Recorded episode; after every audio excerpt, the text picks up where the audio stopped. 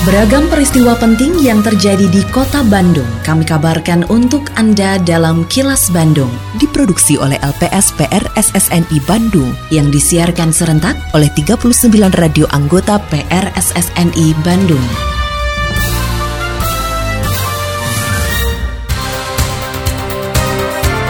Sejumlah informasi aktual kami hadirkan untuk Anda dan inilah informasi utamanya.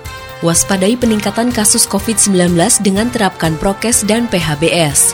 Semangat bela negara harus terus ditumbuhkan. Kota Bandung miliki ribuan relawan pemadam kebakaran. Saya, Santika Sari Sumantri, inilah kilas Bandung selengkapnya.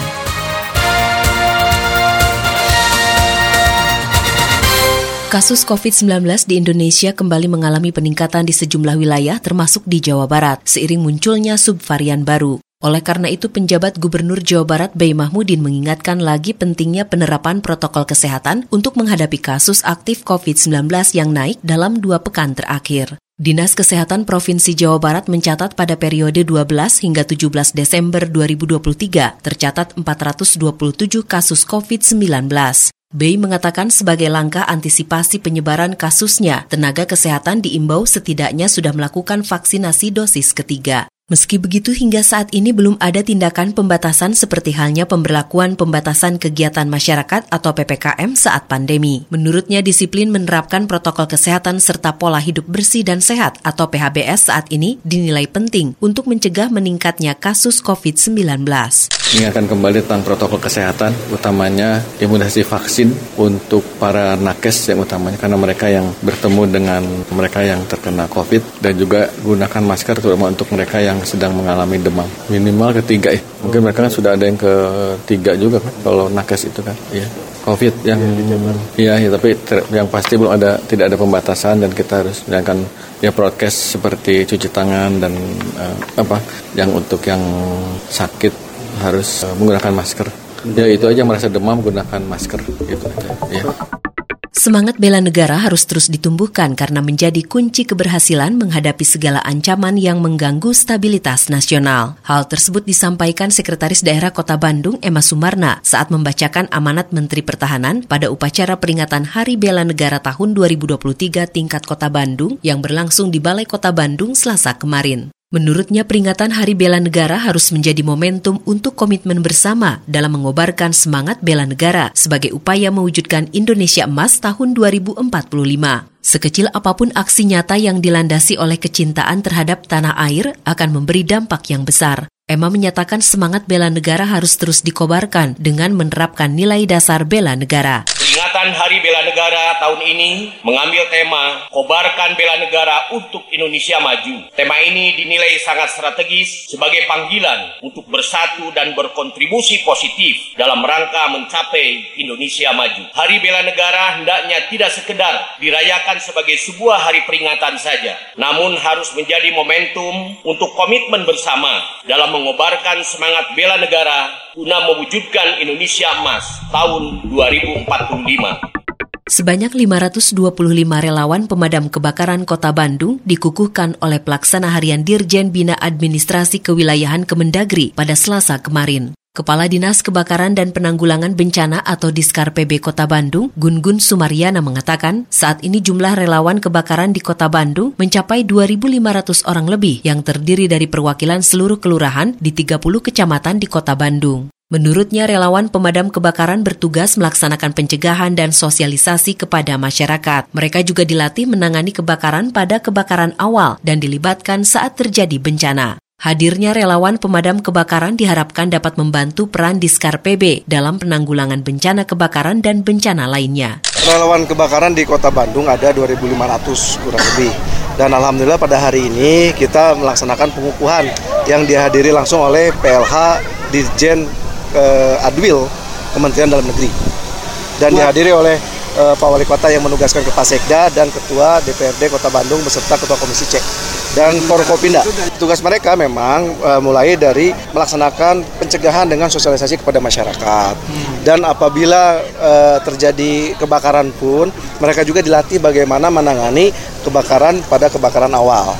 Dan kan sering kali kita malumi bahwa ketika terjadi kebakaran, orang panik lupa menginformasikan kepada Diskar PB Nah tugas mereka salah satunya menghubungi Diskar PB apabila e, simultan yang lain menangani, yang lain menghubungi juga Diskar PB untuk mengantisipasi rambatan api yang lebih besar lagi. Kini, audio podcast siaran Kilas Bandung dan berbagai informasi menarik lainnya bisa Anda akses di laman kilasbandungnews.com. Menjelang akhir tahun, harga kebutuhan pokok masyarakat di pasar tradisional seluruh Jawa Barat relatif stabil. Kepala Dinas Perindustrian dan Perdagangan atau Disperindak Provinsi Jawa Barat Noneng Komaranengsi mengatakan harga komoditas cabai masih tinggi walau mengalami penurunan. Sedangkan komoditas lainnya seperti beras dan minyak goreng harganya masih relatif stabil. Menurut Noneng, pemerintah Provinsi Jawa Barat terus memantau dan mengintervensi pasar dengan menggelar pangan murah untuk komoditas cabai, beras, minyak goreng, dan gula pasir. Hal yang sama juga dilakukan oleh pemerintah kabupaten kota dengan metode yang berbeda untuk menstabilkan harga kebutuhan pokok masyarakat menjelang Natal dan Tahun Baru atau Nataru. Kalau pantauan harga, kalau saya lihat, Alhamdulillah ya sampai di 27 pasar di kabupaten kota karena melaporkan kepada saya, itu di Jumat itu semuanya ada penurunan cabai-cabean yang kemarin tinggi walaupun masih masih tinggi sebetulnya tetapi ada penurunan gitu. Kemudian beras juga demikian. Cuma tadi eh, tadi itu bawang merah yang ada peningkatannya. Ya kalau kami dari Pemda Provinsi Jawa Barat melakukan subsidi untuk uh, intervensi harga cabai, beras, kemudian minyak goreng dan uh, gula pasir. Kemudian teman-teman dari kabupaten kota juga melakukan hal yang sama.